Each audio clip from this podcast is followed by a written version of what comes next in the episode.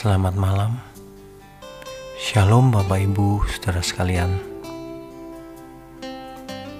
Sebenarnya di dunia ini dibutuhkan ketekunan dalam segala hal. Jika seseorang ingin sukses, ia harus tekun belajar tekun bekerja keras membangun bisnisnya.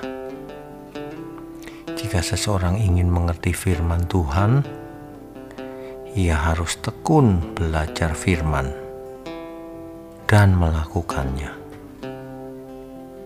Bahkan kalau kita bicara soal keselamatan,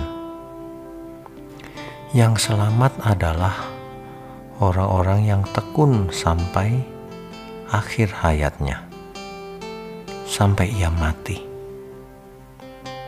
Itulah yang diteladankan oleh Tuhan Yesus. Ia tekun sampai mati di kayu salib.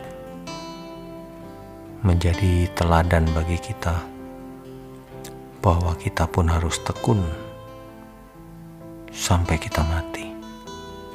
Tekun dalam hal belajar firman, melakukannya menjadi berkat bagi sesama kita.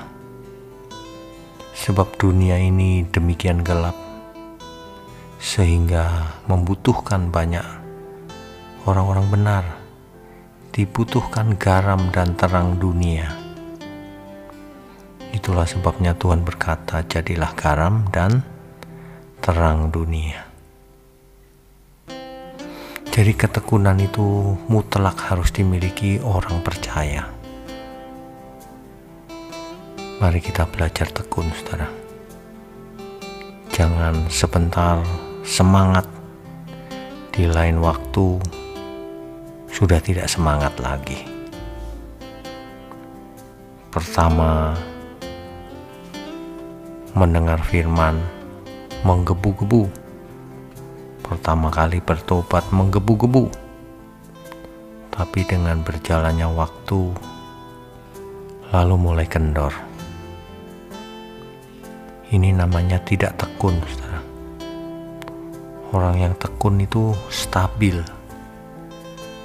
Kalau mau jatuh dia bangun lagi, mempertahankan posisinya, yaitu taat sampai mati.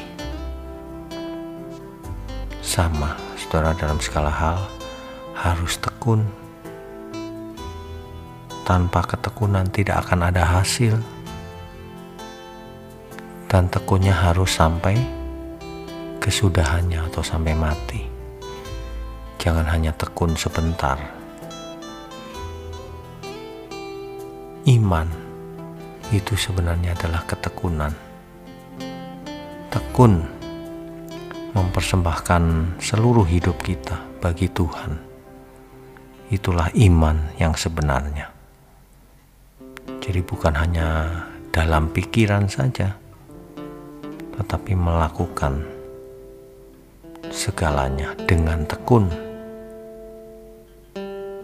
Meskipun harus menderita, tetapi tetap tekun. Mari saudara, kita belajar tekun dalam segala hal untuk menyenangkan Tuhan. Selamat malam, selamat beristirahat. Tuhan Yesus memberkati kita semua. Amin.